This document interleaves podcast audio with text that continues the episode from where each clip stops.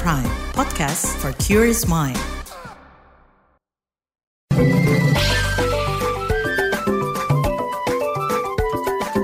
WhatsApp Indonesia. WhatsApp Indonesia dimulai dari Gianyar, Bali. Besarnya jumlah pemilih muda di pemilu 2024 membuat Badan Pengawas Pemilu Bawaslu Kabupaten Gianyar, Bali meminta para pemilih muda turut mengawasi berjalannya proses tahapan pemilu 2024. Anggota Bawaslu Gianyar, Iwayan Hartawan mengatakan pihaknya membangun pojok pengawasan di sekolah dan kampus. Iwayan mengklaim pihaknya terus mendorong keterlibatan pemilih-pemilih muda dan tokoh adat di Bali. Tak hanya menggiatkan para pemuda, Iwayan mengaku cara ini bisa jadi wadah edukasi dan sosialisasi terkait pentingnya pesta demokrasi tersebut.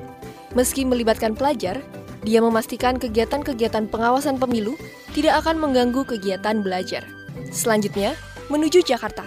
Kementerian Lingkungan dan Kehutanan KLHK mengumumkan penemuan tiga spesies keanekaragaman hayati baru di Indonesia.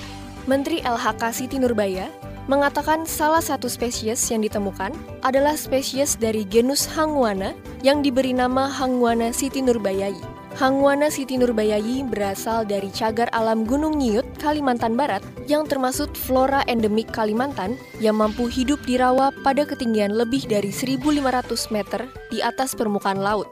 Siti menambahkan, spesies flora baru lain yang ditemukan merupakan jenis spesies anggrek di wilayah Sorong, Papua Barat pada 2018. Lalu temuan ketiga, yaitu jenis satwa burung baru di Pulau Rote, Nusa Tenggara Timur, yang diberi nama Muzomela iriana widodoe.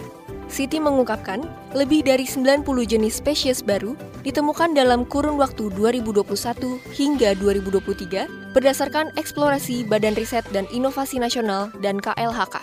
Terakhir, mampir Solo. Pemerintah Kota Solo menganggarkan ratusan juta rupiah untuk membeli alat pompa penyemprot air ke rumput lapangan.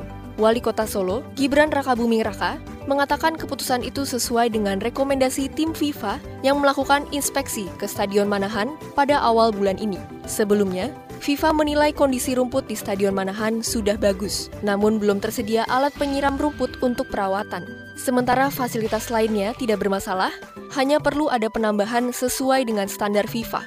Jika rumput dan fasilitas lainnya sudah memenuhi standar FIFA, maka Stadion Manahan akan ditetapkan sebagai venue Piala Dunia U17.